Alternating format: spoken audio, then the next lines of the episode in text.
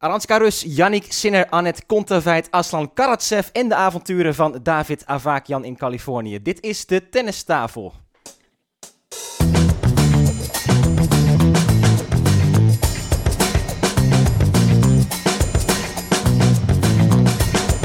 Please take your seats quickly, ladies and gentlemen. Thank you.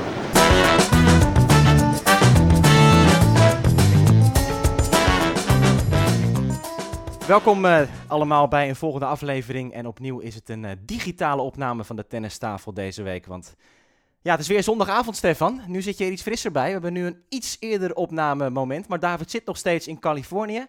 Is nog aan het genieten, of is nu aan het genieten van de laatste momenten van een uh, vakantieperiode nog na het bezoeken van Indian Wells.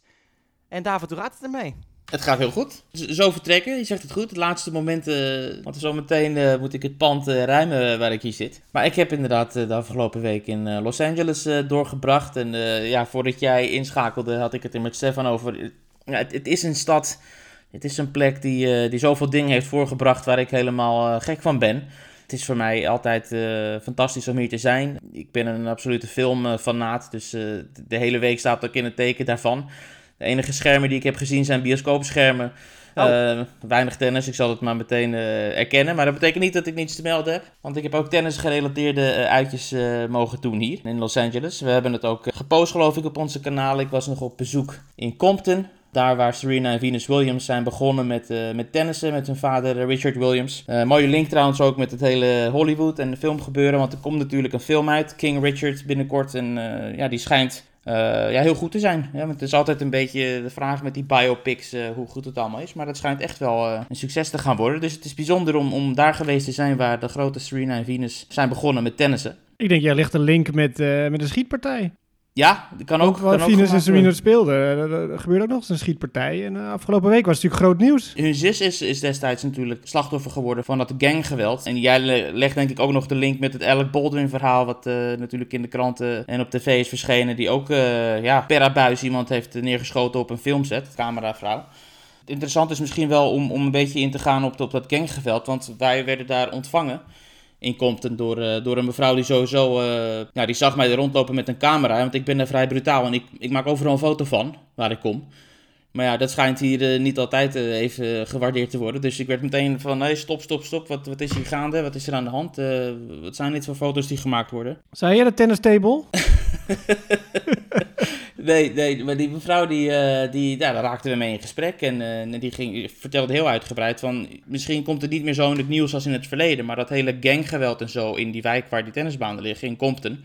ja, dat is eigenlijk erger dan ooit. Ze zegt, in het verleden was het nog overzichtelijk. Hè? Had je echt die, die twee uh, clubs die uh, tegen elkaar opnamen. En uh, met bepaalde gebieden waar je in of uit wel mag, niet mag. en ze zegt nu is het allemaal super onoverzichtelijk. Want er raken gewoon mensen gewond. Er worden mensen neergeschoten om, om het minste of geringste. Dus het overzicht in dat opzicht is kwijt. Dus het is nog steeds levensgevaarlijk in die wijken. Maar jij voelt je daar wel prettig? Het zag er allemaal heel, heel netjes en keurig uit. En dat, waar het dan ligt is, is zo'n publiek park. Daar liggen die banen. En natuurlijk, het is niet één op één zoals het vroeger was. Er zijn wel allerlei dingen aan, uh, aan toegevoegd aan die banen. Speeltuinen, een centrum, een soort uh, dorpshuis, maar dan in die wijk. Maar ja, toen zij dat begon te vertellen, had ik wel zoiets van... Oh ja, misschien moeten we toch maar niet te lang blijven hangen hier. En, maar in de avond zou je daar niet een balletje slaan? Nee, ik zou er in de avond sowieso niet, niet echt rondlopen. Weet je, op het moment dat je het hoort, dan ga je veel alerter om je heen kijken. En dan zie je, ja, dan zie je daar wel een groepje staan waarvan je denkt, ja, misschien moet je daar maar uit de buurt blijven. En, en dan zie je daar een, een beetje een rare blik uh, op je afkomen. Ik zag het op het eerste gezicht niet. Maar ja, die, die mevrouw die benadrukte echt van het is broedlink nog steeds. Dus dat uh, vond ik wel verrassend. Kan je een beetje schetsen hoe het daar is, zeg maar? Gewoon qua, je komt daar aan. Ik bedoel, zijn er meer mensen die op die banen afkomen regelmatig? Of nee. is, het een, is het een attractie in die omgeving? Of... Helemaal niet. Die banen die waren gewoon echt afgesloten. Gewoon met de sleutel waren die banen dicht. Er werd ook niet op gespeeld.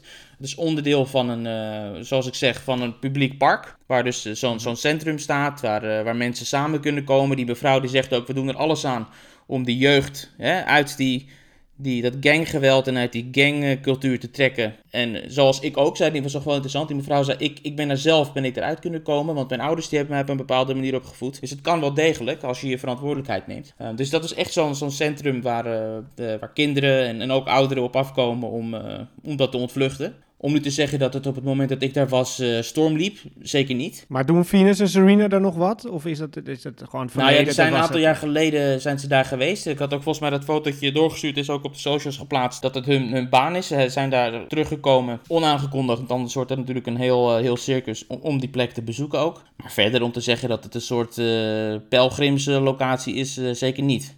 Maar hoe voelde het voor jou om daar te zijn? Ik ben altijd wel gevoelig voor dat soort historische plekken. Of het nu gerelateerd is aan, aan tennis of, of aan mijn andere hobby, film. Ja, fantastisch. Want je gaat altijd toch terugspelen in je hoofd van uh, hier is het dus gebeurd. En we hebben natuurlijk wel wat foto's en wat videomateriaal uh, kunnen zien altijd van, van Serena en Venus met hun vader als kind zijnde. Dus om dat dan allemaal te kunnen plaatsen, al die puzzelstukken neer te leggen en dan, dat je daar dan bent. Het was voor mij wel bijzonder, zeker ja. En op zich de kwaliteit van de baan? Ja, het was gewoon een uh, klassieke hardcore. Het was niet, niet geweldig. Ja. Kon ook wel een, uh, een, uh, een hoge drukspuit gebruiken, maar verder, verder prima. Oké, okay. ja. nou gaaf. Dat, nog andere tennislocaties bezocht? Of dit was echt het enige tennismomentje nog wat je had Nou zeker, gisteren ben ik geweest naar de Tennis Doctor. En dat is oh. een legendarische tenniswinkel. En dat is gewoon een, uh, een hele oude, ouderwetse uh, ja. Ik uh, kwam daar binnen en dan zie je zes man tegelijkertijd het rackets bespannen. En op hun rug staat dan de string surgeon. dat was wel grappig, was wel leuk. Ja, ja en, en, alle rackets aan de muren en allerlei eigen, eigen merchandise ook. En alles wat je maar kan verzinnen wat met tennis te maken heeft, van kleding tot materialen, alles hebben ze daar. En draai je dan op de achtergrond dat, dat uh, liedje van uh, Nelly Furtado, of niet? Welke? You can, you can play on broken strings. Ja, ja, ja. nou, lekker hoor. Ja, absoluut. En wij maar, uh, wij maar lekker allemaal hier in Nederland een beetje de herfst in ontvangst nemen. ja, nou, het wordt tijd dat je naar huis komt. Dan kunnen we even met z'n drieën weer gewoon face-to-face -face opnemen. Dat, Ja, ik heb jullie gemist, jongens. Kijk, dat wilden we ook even horen. Precies, goed. Nou, dan naar de actie van afgelopen week. Het is um, ja, een mooie week geweest voor Aranska Rus. Zij speelde op een andere mooie locatie om in deze periode van het jaar te zijn, namelijk op Tenerife. En haalde daar de kwartfinale. En ze werd uitgeschakeld door uh, Camila Giorgi. Stefan, wat uh, vond jij van die prestatie van Rus? Nou, eindelijk laat ze het zien op WTA-niveau. We hebben natuurlijk vaak de discussie van ITF. Nou, dat is misschien wel ontstegen, want daar wint er een aantal van. En nu moet het ook doen op de WTA. En zeker in deze weken, een beetje luwe weken vind ik, kan je je momenten uitkiezen of je toernooi uitkiezen. En als er dan twee rondjes wint, de kwartfinale haalt, uh, ja, is natuurlijk hartstikke goed. En ik moet zeggen, in de eerste ronde won ze van, dat weet jij zo uit je hoofd. was een goede wedstrijd. Ze speelde echt heel goed. En die Goliath werd helemaal gek van haar. En uh, Ranska speelde echt dwingend, met goede topspin en zo. Zelfs haar backhand was ja, redelijk dwingend, vond ik zelf. Dus ze heeft echt, uh, wel grappig om, ze is 30 of misschien iets meer dan 30 zichzelf toch nog wel weer verbeterd, vind ik zeggen, het laatste jaar. Dus ze moet gewoon vaker op dit niveau uh, blijven spelen. Ja, en tegen Georgia, ja, ze 1 ze 1 ja, dat kan natuurlijk gebeuren. Want Georgia, als die aan is, ja, dan is ze aan. Ja, maar ja, dat kon je ook wel zien dan. Rus tegen Golubic en ook tegen Greet Minne. Ja, dat is in tegenstand waar ze dan wel zelf gewoon rustig eigenlijk het punt kan opbouwen. Hè? En, en zelf kan domineren. En tegen Georgia, ja, dat weet je, dat, dat heb je niet. En volgens mij was dat meteen ook een soort gevoel van rust van ja, ik heb die controle niet. En Daardoor ging ze ook echt veel meer fouten maken. Want ze speelde ja, heel matig eigenlijk vergeleken met die eerdere partijen. Maar het zal ook wel gewoon het Georgie-effect zijn van um, ja, hoezeer zij tegenstanders de wil uh, op kan leggen. Aan de andere kant, Aranska Rus heeft natuurlijk wel plan A en plan A. Er is niet heel veel variatie, vind ik. Nee, Georgie die heeft altijd uh, achter, alternatief achteraan. Uh... Nee, ik bedoel, dus, het was voor, dus Georgie bepaalt het. Hè? Als Georgie die, ja, nee, losse, losse Floris gaat schieten, David, dan ja, is het oh, oh. raak. Maar ze schoot met scherp. ja. Nee, maar in zekere zin, normaal, je, zou kunnen denken van Rus, die, die matcht goed met Georgie. Dat ze natuurlijk die ballen terug kan brengen en op de fouten kan hopen. Maar dat uh, pakte totaal niet zo uit. Het was trouwens wel weer een, een schandaal uh, afgelopen week op Tenerife met de vader van Camila Giorgi. Want die heeft zich weer langs de kant misdragen, bemoeide zich met lijnbeslissingen. Ja, dat krijg je dan als er geen hoka is. Dan, dan krijg je weer dit soort gekkigheid met Sergio Giorgi. En het was zo, zo gek dat, um, dat Camila een paar keer een, gewoon echt een gamestraf kreeg. Want zo vaak had hij uh, Pa zich al misdragen. En toen zat hij uh, op een gegeven moment langs de baan. Met zo'n mondkapje, wat hij gebruikte als een soort mondsnoerachtig. Hoe zeg je dat? Zo, zo'n Hannibal Lecter. Ja, ja, ja. In die films, David, weet je wel. Als een, een, uh, iemand wordt gegijzeld, dan wordt hij als een stoel vastgebonden. Ja. En dan zo'n zo'n doek in zijn mond. Dus dat was een soort symbolisch gebaar van... Hè, ik word hier het, het zwijgen opgelegd van van hogerhand. Maar ja, het is, het is een waanzinnig figuur, die, uh, die, die vader. En ook, ook Camila trouwens, die verloor van Osorio Serrano. in de halve finale. Er was een, een handshake, nou ja, eh, je kon het amper een handshake noemen. Een soort wilde beweging met de armen naar elkaar. Van, het is toch echt een, een, een apart figuur. Jij weet het ook, David, als, ook als hij interviews geeft en zo natuurlijk. Allemaal drie woorden antwoorden en eh, op die onkort interviews. Het is echt pijnlijk voor de, de man die altijd die interviews afneemt. Ja, je moet het recht uittrekken bij de... Jongen, Ja. Ja, maar ik weet nog dat zij Rosmalen won. eh, En wij werkten voor het toernooi voor het Dagjournaal. Ja, dus eigenlijk zit het werk erop. Ja. En we hebben een mooi bericht gemaakt. We doen ook de website daar. Camilla Giorgi had het toernooi gewonnen. Maar echt niemand wilde haar interviewen. Niemand wilde haar überhaupt een persconferentievraag stellen. Dus het vriendelijke verzoek of wij even met haar wilden zitten. Om het nog... Ja. Maar er kwam ook helemaal niks uit. Nee, het is eh, ja, een typisch eh, figuur. En er, er kwamen ook weer artikelen naar boven van vroeg in haar carrière dat ze eh, ja, financiële steun nodig had om haar carrière op te bouwen. En dat er allerlei bedragen niet zijn terugbetaald aan sponsoren in die tijd. Dus ook dat daar allemaal eh, conflicten zijn ontstaan. Maar ja, het is ehm, altijd wel te zien. Hè? Het is een soort eilandje op de Tour, eh, die Camilla Giorgi met haar vader is altijd eh, erbij. Dat toernooi werd trouwens gewonnen door Anne Lee, een Amerikaanse. Nog eh, relatief onbekend, vrij jonge speelster ook.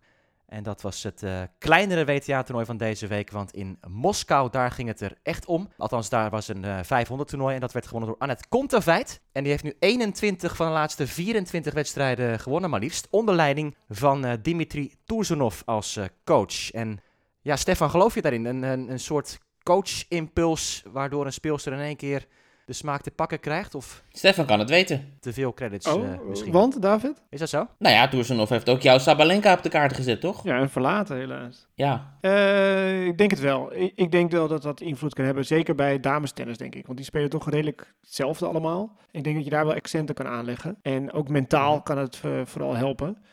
En eh, ik ben wel groot fan van eh Toersenhoff. Intelligente kerel. Dus ik denk zeker dat het wel eh, kan helpen, ja.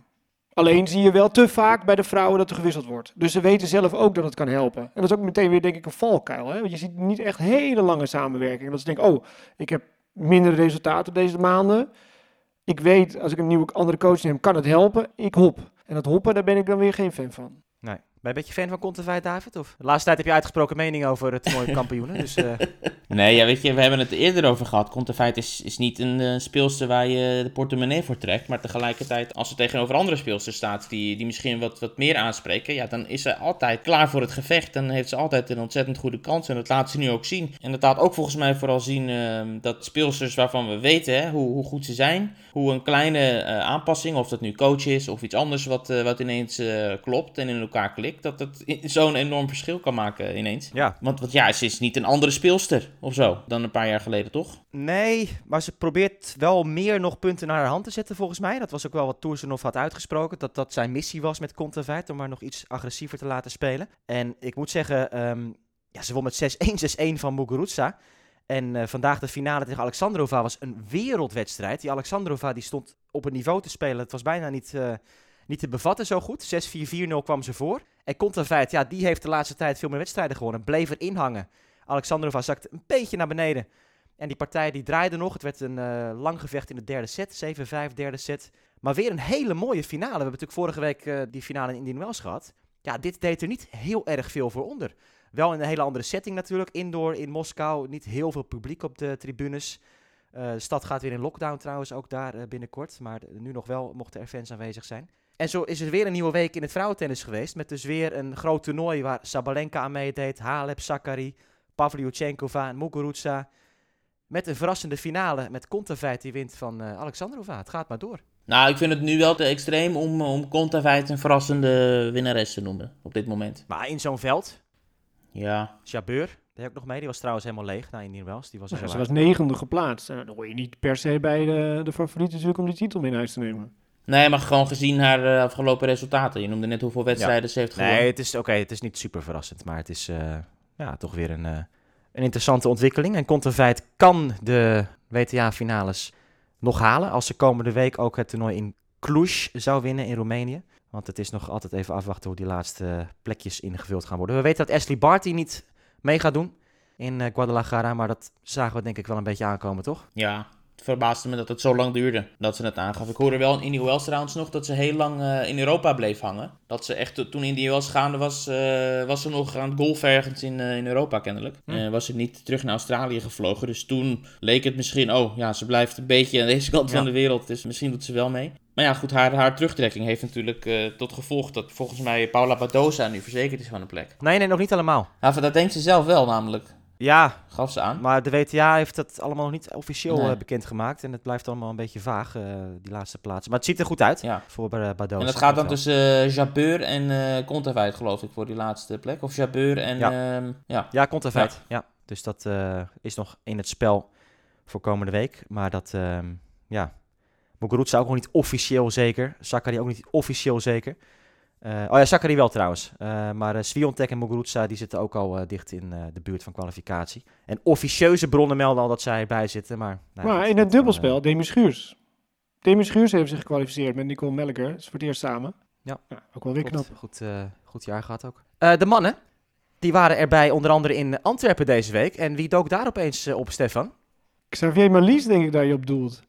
Tja, Ja, dat- ja, ik vond het wel. Ik kreeg een wildcard samen met Lloyd Harris, Zuid-Afrikaan, met wie hij, eh, Ja. van wie hij nu de coach is.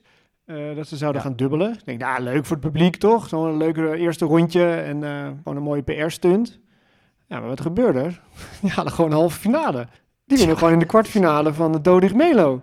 Eerste Ja. geplaatst. Ik moest wel een beetje terugdenken aan dat eh, gesprek wat we hadden over de rentree van Kim Kleisters. Hè, dat dat misschien niet per se een promotie is voor het vrouwentennis als zij weer succes behaalt. Nou ja, dit is natuurlijk voor het heren dubbelspel echt een, Ja, nou, een doodsteek gaat natuurlijk veel te ver, maar echt, echt een, een eh, beschamende ontwikkeling. Dat de nummers 1 geplaatst, Dodik Mello met een match tiebreak verliezen uiteindelijk van Harris en Malisse. En toen moesten Royer en Kolf het maar doen hè, in de halve finale. Dat werd gelukkig 6-4, 6-2 voor, Kolf en Royer. Ik vond het bizar gezicht. eh, met die enkelsokjes van hem van vroeger, weet je wel. Alsof hij weer ergens, eh, ergens in Californië zat te spelen. Ja, hij, is natuurlijk super talentvol. Dat weten we wel. Hij heeft goede handjes en zo. En ja, ja maar als je acht jaar niet op de ATP-tour eh, hebt deelgenomen, het is heel bizar. En ik kan me wel voorstellen als tegenstander even staat te kijken van eh, wat hebben we nou aan ons broek hangen. En, en ik, dit moeten we Ja. winnen. Dus je staat misschien wat meer onder druk. En gelukkig deden Royer en Kolf dat gewoon eh, soepeltjes. Ik kan me ook voorstellen dat Marlies wat spierpijn had na drie wedstrijden in een paar dagen. Heeft hij spieren tegenwoordig? Nou, het viel, hij, zag er nog, hij zag er niet veel minder fit uit dan, dan toen hij stopte, zeg maar. Oké. Had hij ook al een buikje. Dus, eh, Ja. maar goed, met, met een buikje kan je, kan je tegenwoordig ook topsport bedrijven. Dat zag ik ook eh, zaterdagavond. Ja, een Zaterdagavond. andere Belg, heb je niet gezien? Ben Sadiq tegen Nee? Rico Verhoeven. Nou, we kunnen even een uitstapje maken. Hè? Dat is dan eh, Oh Glory eh, 79 of zo, weet ik het. De hele wereld kijkt er naar... Glory Ja, 79. daar kijkt dus iedereen naar dat kickboksen. Dan heb je dan Rico Verhoeven. Kickboksen. Nou, dat ziet er echt uit als een sportman. Hè? Wereld, Ja. wereldkampioen, volkomen terecht. En dan wordt hij uitgedaagd door, ja, eh Ben Sadiq, die is gewoon niet fit. Ja, het is gewoon wereldsport en het gaat om vijf rondes. En na drie rondes helemaal leeg. Nou, kan je je voorstellen, je gaat tenniswedstrijd doen, je gaat meedoen US Open. Maar ja, ik, ik moet wel de eerste twee sets winnen. De derde liefst ook, anders hou ik het niet vol. Hij, hij, hij kon Ja. zijn armen niet meer omhoog houden, terwijl hij aan het winnen was. Hij, hij was gewoon aan het winnen. Nou, daar kan ik niet bij. Dat is dan een topsport. Nou, en ik, ik hou wel van de vechtsport. Ik vind het echt prachtig om te zien. Maar dit sloeg echt, vond ik echt helemaal nergens op.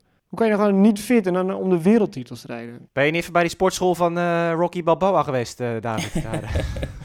Dat is in Philadelphia, toch? ja, zo geen idee. Ik probeer even het bruggetje te leggen naar, naar films. Nee, maar goed. Marliese was natuurlijk ook niet eh rete fit. Kan ik me zo voorstellen. Trouwens, Cole en Van Rooijaf hadden in de finale helemaal niks te vertellen. Ze verloren van Nicolas Mahu en Fabrice Martin. Martin? Ja, Martin? 0-1. Ja, dus ik appte even met eh, Wesley van eh, wat is gebeurd. Eh off-day, blessure. Hij zegt, nou ja, tegenstanders raakten gewoon alles. Ja, en dan ga je dus 0-1 in een uurtje af. Oké.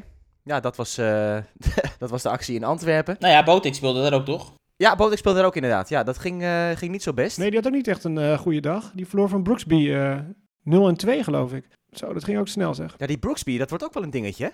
Die gaat naar de Next Gen Finals waarschijnlijk. Dat is die jongen die een eh, set met 6-1 van Djokovic wist te winnen op de US Open. 20 jaar, nummer 70 van de wereld. Geweldig spelen. Ja, die gooit heel veel energie in zijn wedstrijden. Ja, aparte techniek. Die backhand, hè? Ja, zeker. Alles dubbelhandig. Ook uh, slices dubbelhandig. Wordt vergeleken met Floria Meijer, hè? Andy Murray vergeleken met, met Floria Meijer. En ja, dat vond hij zelf ook wel uh, een terechte vergelijking. Ja, het leukste was nog dat hij in de eerste ronde won van Riley Opelka. Met 6-4, 6-4. Dat Opelka toen zei tijdens de wedstrijd... Ik snap niet dat Djokovic een game wist te winnen van deze Brooksby in de eerste. Ja, geweldig. Dat, eh, Ja, Botik verloor 6-2, 6-0. Brooksby zelf verloor in de Halve. het, kwartfinale, halve, halve finale van eh Schwartzman met 6-4, 6-0. En ja, Yannick Sinner blijft toch maar winnen. Twee keer 6-2. Finale tegen Schwartzman. En ook twee keer 6-2 tegen Harris trouwens daarvoor. Die is voor Stefan, deze. ATP-finals misschien, hè? Oh jeetje, nou ik heb zitten kijken. Ja, ik word niet warm van eh zinger. Zinger. Ook deze week niet. De beste zingers. Singer-songwriter. Ja. Nee, ja, ook deze week niet. Ja, het is heel klinisch. Het is, het is wel goed. Kan niet anders zeggen. Maar nee. Nee. Nou goed, dan was, eh, was er nog het nieuws dat David, dat heb je ook gemist waarschijnlijk. Zit je lekker? Ik eh, zit goed. Ja? Alle armleuningen vast en zo? Ja. Want eh, Cameron Norrie heeft een uitspraak gedaan. Oh, Ja, hij wil nummer 1 van de wereld worden. ja. Ja. Nee, maar dat is een reële optie nu toch geworden, of niet? Winnaar van Indian Wells? Nou, het zou zomaar kunnen dat hij de meeste wedstrijden dit jaar heeft gewonnen. Ik heb die statistieken helemaal niet opgezocht, maar bedenk het nu opeens. Ja, hij staat Ja. heel hoog. Hij staat heel hoog op die lijst, ja, klopt. Nou goed, dat Ik vraag me alleen... Ja? Ja, ik wilde zeggen, dat is natuurlijk het, het droomvervolg hè, van eh, de grote drie. Als die ermee ophouden, ja, dan moet... eh, ja, Norrie. Ja man, leuk man. Top 3. Norrie, Singer, Ruud. ja. Ja, echt te gek. Ik moet meteen de baan op als ik dat, eh, dat rijtje zo hoor. Absoluut. hey, maar ik vraag me dus echt af ook eh, van de week zat ik een beetje aan te denken. Wat, wat Andy Murray daar nou van die, van die Norrie zou vinden, weet je wel? Dat, hij, dat, hij, dat Murray nu ziet van Norrie wint Indian Wells en dat soort dingen. Dat, dan moet hij toch bij zichzelf ook denken, ja, kom op. Weet je, als dit soort gasten eh, die toernooien winnen, dan, dan kan ik toch zeker terugkeren in die eh, top 10, wat hij wil. Ik denk dat het voor hem een soort bevestiging is van, ja, als Norrie het kan, dan ga ik nog extra gas geven. Denk Ja? Murray zei ook van iedereen kan wel leuk zeggen dat ik zo goed aan het spelen ben, maar het gaat om winst. Gaat dat ik ga winnen. Want hij had natuurlijk ook wel weer een gigantische Ja. wedstrijd tegen eh, Francis Tiafoe. Was het 3 uur 45 een best of 3? Langste ATP-wedstrijd van het jaar volgens mij was dat, ja. 3 uur Ja, 45. die won hij dan nog. En daarna ging hij dan wel eh, tegen... Ja, Zwartsman volgens mij verloor hij. Ja. Ja. Hij zegt, weet je, het kan wel zeggen dat het een goed niveau is, maar het gaat om winst. Het gaat om winnen, weet je. Dus zo'n Murray, eh Mo- eh, Murray, Norrie, kunnen we wel zeggen van, eh, ja, het is niet zo'n goed niveau, maar het gaat om winnen. Weet je, ik bedoel, Jan Siemerink werd ook de garbage man genoemd, omdat er was niet tegen te spelen. Weet je, in de training werd hij helemaal weggeslagen, maar dan ging het daarna in de eerste ronde, eh, was het trainingsmaatje bijvoorbeeld zijn tegenstander. Nou, weet je wie er wint? Jan Siemerink. Ja. Daar gaat het toch om. Ja, Murray verloor dus 4-7-6 van, eh van Schwartzman. Maar goed, ja, ik, ik, ik denk wel dat ja, eh, Murray zichzelf hoger inschat dan, dan Norrie, nu nog steeds. Misschien is dat niet zo, maar dat is een beetje het gevoel Ja. wat ik, eh, wat ik heb. Over trainingen gesproken. Hij zegt zelf toch elke keer van op de training eh, win ik van die. Op de training kan ik met de beste mee. Ja. Dus hij heeft er wel vertrouwen in. Ik zit even te kijken hoor, want hij verloor natuurlijk van Zverev in eh, Indian Wells, Andy Murray. En daarvoor van Ruud, San Diego, van Hurkacz in Metz. Tsitsipas, US Open natuurlijk, Tiafo, Winston-Salem, Hurkacz, Cincinnati, Shapovalov, derde ronde Wimbledon, Berrettini, Queens Club, Rublev, Rotterdam. Ja, dat zijn natuurlijk wel inderdaad allemaal grote jongens. Alleen tussendoor had hij nog even zo'n challenge gespeeld waar hij toen eh, verloor van eh Safiulin. Ja, en hij moet weer eerste ronde tegen, tegen Hurkacz, geloof ik. Dus het zit weer niet mee met de loting. Ja, toernooi in Wenen, dat is uh, ijzersterk bezet. Ja, klopt. Dus, dus dat. Ehm, nou goed, verder ontwikkelingen over het hele vaccinatieverhaal natuurlijk in Australië. Het is nu officieel bekend dat spelers daar gevaccineerd moeten zijn als ze willen meedoen aan de Australian Open. En blijven we afwachten hè, wat, of Djokovic daar gaat verschijnen of niet.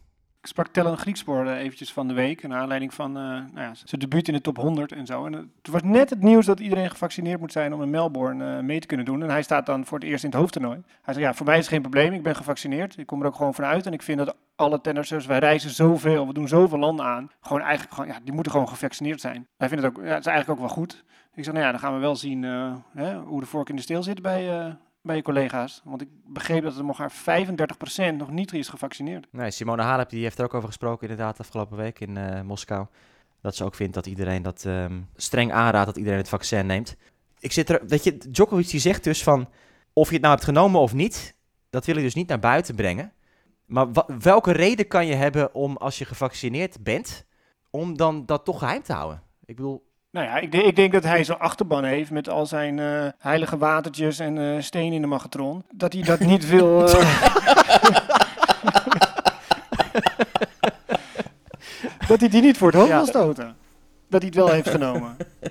stenen in de magnetron. Ja, maar hij heeft wel lijntjes lopen inderdaad met allerlei eh, alternatieve geneesmanieren. Goed, daar hebben we het vaker over gehad. Ja, die knuffelgoeroe. Die wil straks niet meer met hem knuffelen. Goeroe, bomen knuffelen, holistisch, dat soort dingen allemaal. Ja, misschien wil hij geen gezichtsverlies lijden. Als hij dan in één keer zegt, ja, ik ben gevaccineerd, dan valt dat allemaal eh, in elkaar. Zeg maar, dat hele, de hele filosofie van hem. Ja. Maar hij zei dus ook van, ja, ik wist sowieso nog niet of ik naar Australië zou gaan. Dan, ja, dan denk ik toch ook van... eh, ja, het is niet zo'n belangrijk toernooi gebleken in zijn carrière. Dus, eh. Nee, Nee. meestal heeft hij niks te zoeken daar. hè? kan het all-time Grand Slam record gaan breken daar, maar nou ja, dat kunnen we ook een keertje overslaan. Jongen, jongen. Nou ja, en het Tsitsipas had natuurlijk al gezegd van, weet je, als het echt eh, verplicht wordt en moet, ja, dan, dan ga ik er waarschijnlijk wel aan. Had hij al eerder aangegeven. Dus Ja, moet je wel opschieten, want eh, toch? Je hebt toch die periode nodig dat het er overheen gaat. Ja. Nou, Goed, eh, Sabalenka die was natuurlijk ook positief getest in Indian Wells. Die maakte haar rentree vorige week in Moskou. En die heeft eh, verloren van Alexandrova. Ze won één potje en verloor toen. En het viel mij wel op dat ze er wat ehm, zwaarder uitzag. Dus eh, ja, ze heeft natuurlijk een tijd niks kunnen doen daar in, eh, in Californië. En hopelijk weet zij wel weer fit te geraken, uiteraard voor de WTA Finals. Want daar mixen opkomende maand in Guadalajara. Voor de goede orde, dat begint op 10 november. Ik kwam ook eh, wat zwaarder terug uit Californië, vrees ik. Oh jee, Nog zwaarder. oh oh. Ben je gegroeid? Nee, het is allemaal niet gewoon, joh. Dit is, ja, het, het is echt mijn favoriete keuken, jongens. Het, het spijt me. Dus je moet verplicht elke dag op de tennisbaan gaan staan, als je thuis bent. Ja, heel graag met mijn nieuwe tennisrackets. Ja. Ook uit Californië. Kijk eens, jongens. Wat een, eh, wat een periode. Maar één dingetje trouwens. We hebben het over iedereen gehad, behalve Karatsev. Of ging je daar nog één? Ja, nee, eh, daar mag jij nog over beginnen. Zeker, mannenfinale in Moskou. Zeker, gewonnen van, eh van Marin Cilic. Dat, ja, dat verhaal van hem dit jaar, eh, dat begon natuurlijk geweldig in, in Australië. En ja, zijn eerste jaar op de proftour, zo kunnen we het wel zeggen. Op 27-jarige leeftijd. Daarna bleef het een beetje stabiel, misschien ging het iets minder. Maar ja, nu, nu staat hij er weer. En hij heeft dit jaar single-toernooien gewonnen, dubbeltoernooien gewonnen, mixtoernooien gewonnen. Ik zag zelfs een statistiek voorbij komen dat hij de eerste speler sinds 1992 of zoiets is, sinds Woodford. Die, eh, die meerdere titels in een jaar weet te winnen in meerdere disciplines. Althans in alle disciplines die er zijn. Dus wat een debuutjaar. Ja, halve finale Australian Open als qualifier. hè. Dat was inderdaad dat eh, enorme moment van die doorbraak. En Stefan die had hem vorig jaar al flink gezien bij de Challenger toernooien. Te midden van de Nederlanders ook die daar allemaal actief waren. Top 20 nu. Ja, nou, dertiende. Dertiende staat hij. In de race naar Turijn. Ook nog niet uitgeschakeld in dat opzicht. Want de mannen hebben natuurlijk nog wat andere grote toernooien te gaan. Het uh, 1000 series toernooi van Parijs-Bercy. Komt ook nog eh, voorbij binnenkort. En komende week het 500 toernooi van Wenen. Met ook een heel sterk deelnemersveld. Het Cilic in de finale vond ik ook wel weer eh, opmerkelijk. Want ja, die hadden we toch al langzamerhand een beetje afgeschreven, denk ik. Althans, eh, stilaan in de vergetelheid is hij aan het raken, Marin Cilic. Ook leuk voor hem. Ik blijf het toch altijd wel een hele sympathieke, sympathieke speler vinden, Marin Cilic. Misschien niet eh, super enthousiast, of super, hoe zeg je dat? Flamboyant. Stefan, uitstraling, flamboyant. Super aardige, aardige kerel. Heel netjes, heel beleefd, heel Ja. aardig, heel vriendelijk. Maar op de baan, ja, niet echt onwijs uitstraling. En al dat gestuiten voor het serveren, daar word ik ook een beetje moe van. Heel nerveus van. Maar ja, ja zijn US Open tijd was natuurlijk dat hij won. Dat, ja, toen speelde hij echt de pannen van het dak. Hé, hey, maar eh Matwee Modderkoop, gaan we het daar nog over hebben? Moskou. Ja, heb je ook met hem geappt? Of Ja. eh, Het is wel leuk, want hij, eh, finale, finale gespeeld in Ja, Moskou? gewonnen. Ja, drie matchpoints tegen. Ik zeg, dat, dat zijn de lekkerste. In de tie, uh, match tiebreak kwamen ze 3-0 voor, kwamen ze opeens 7-3 achter. En 9-6 achter. Hij speelde met Heliova Ara uit Ja. Finland. Uit Fi- i- i- Inland, Ja, toch? Ja. Tegen Krikic en eh Kasic, als ik het goed zeg. En eh 9-6 achter in die match tiebreak. En eh, ze winnen hem nog 11-9. Ja, hij zegt voor de poorten van de hel. Ik zeg, ja, dat zijn de lekkerste. Maar het is mooi, want hij heeft Russisch bloed. Dat weten mensen misschien even niet. Ik wil het even Oh ja, verifiëren bij hem. Maar eh, zijn moeder en zijn oma Russisch. En volgende week is het eh, toernooi van Sint-Petersburg. Hij zegt, dus dat is voor mij eigenlijk een thuiswedstrijd. Dus daar dubbelt hij, eh, dubbelt hij weer. Dus zijn elfde titel alweer. Vorige maand stond hij op zijn career highest ranking. Dat zeg ik vast ook heel goed in het Engels. En hij is 38. Ja, dat, is toch, wel- nou, dat vind ik wel weer een mooi verhaal, toch? Dus hij staat nu ook weer in die top 30. Ja, mooi, mooi, mooi. Ik vind het mooi. Nee, het is wel logisch dat die tegenstander trouwens denk ik goed presteert. Dat hij die finale haalde, want eh, die heet eh Brkic. Ja, het is immers in Rusland. Sorry jongens. Ehm, Uh-oh. dat was het, of eh, hebben we nog andere puntjes? Nee, dat was het. Nou, mooi. Ja, ik zeg het Ja, alleen omdat ik, halen. ik moet vliegtuig halen, jongens. Ja, wat is het voor de terugreis? Via Alaska en de Zuidpool? Of? Londen, Londen. Oh, oké. Recht toe, recht aan deze keer. Ja, ik hoop het. Als ik het vliegtuig in Wanneer land je dan? Maandagavond Nederlandse tijd. Maandagavond Nederlandse tijd. Nou, dat is weer een reis van eh 20 uur. Ja, Oké, dan gaan we volgende week bij een mooie tennisclub zitten. Is dat een deal? deal. Gaan we iets moois uitzoeken. Ja, En jij trakteert. wie de beste, wat was het, bacon en burgers heeft, die mag ons uitnodigen, toch? Wat is het, eh, David? Ja, ja, ja, exact. Ja. Nou, dan zien we alle, alle berichten tegemoet. Eh, bedankt voor het luisteren. Eh, David, fijne terugreis. We zien je snel weer. En tot de luisteraars zeggen we graag tot volgende week. Tot gauw, tot snel. Adios.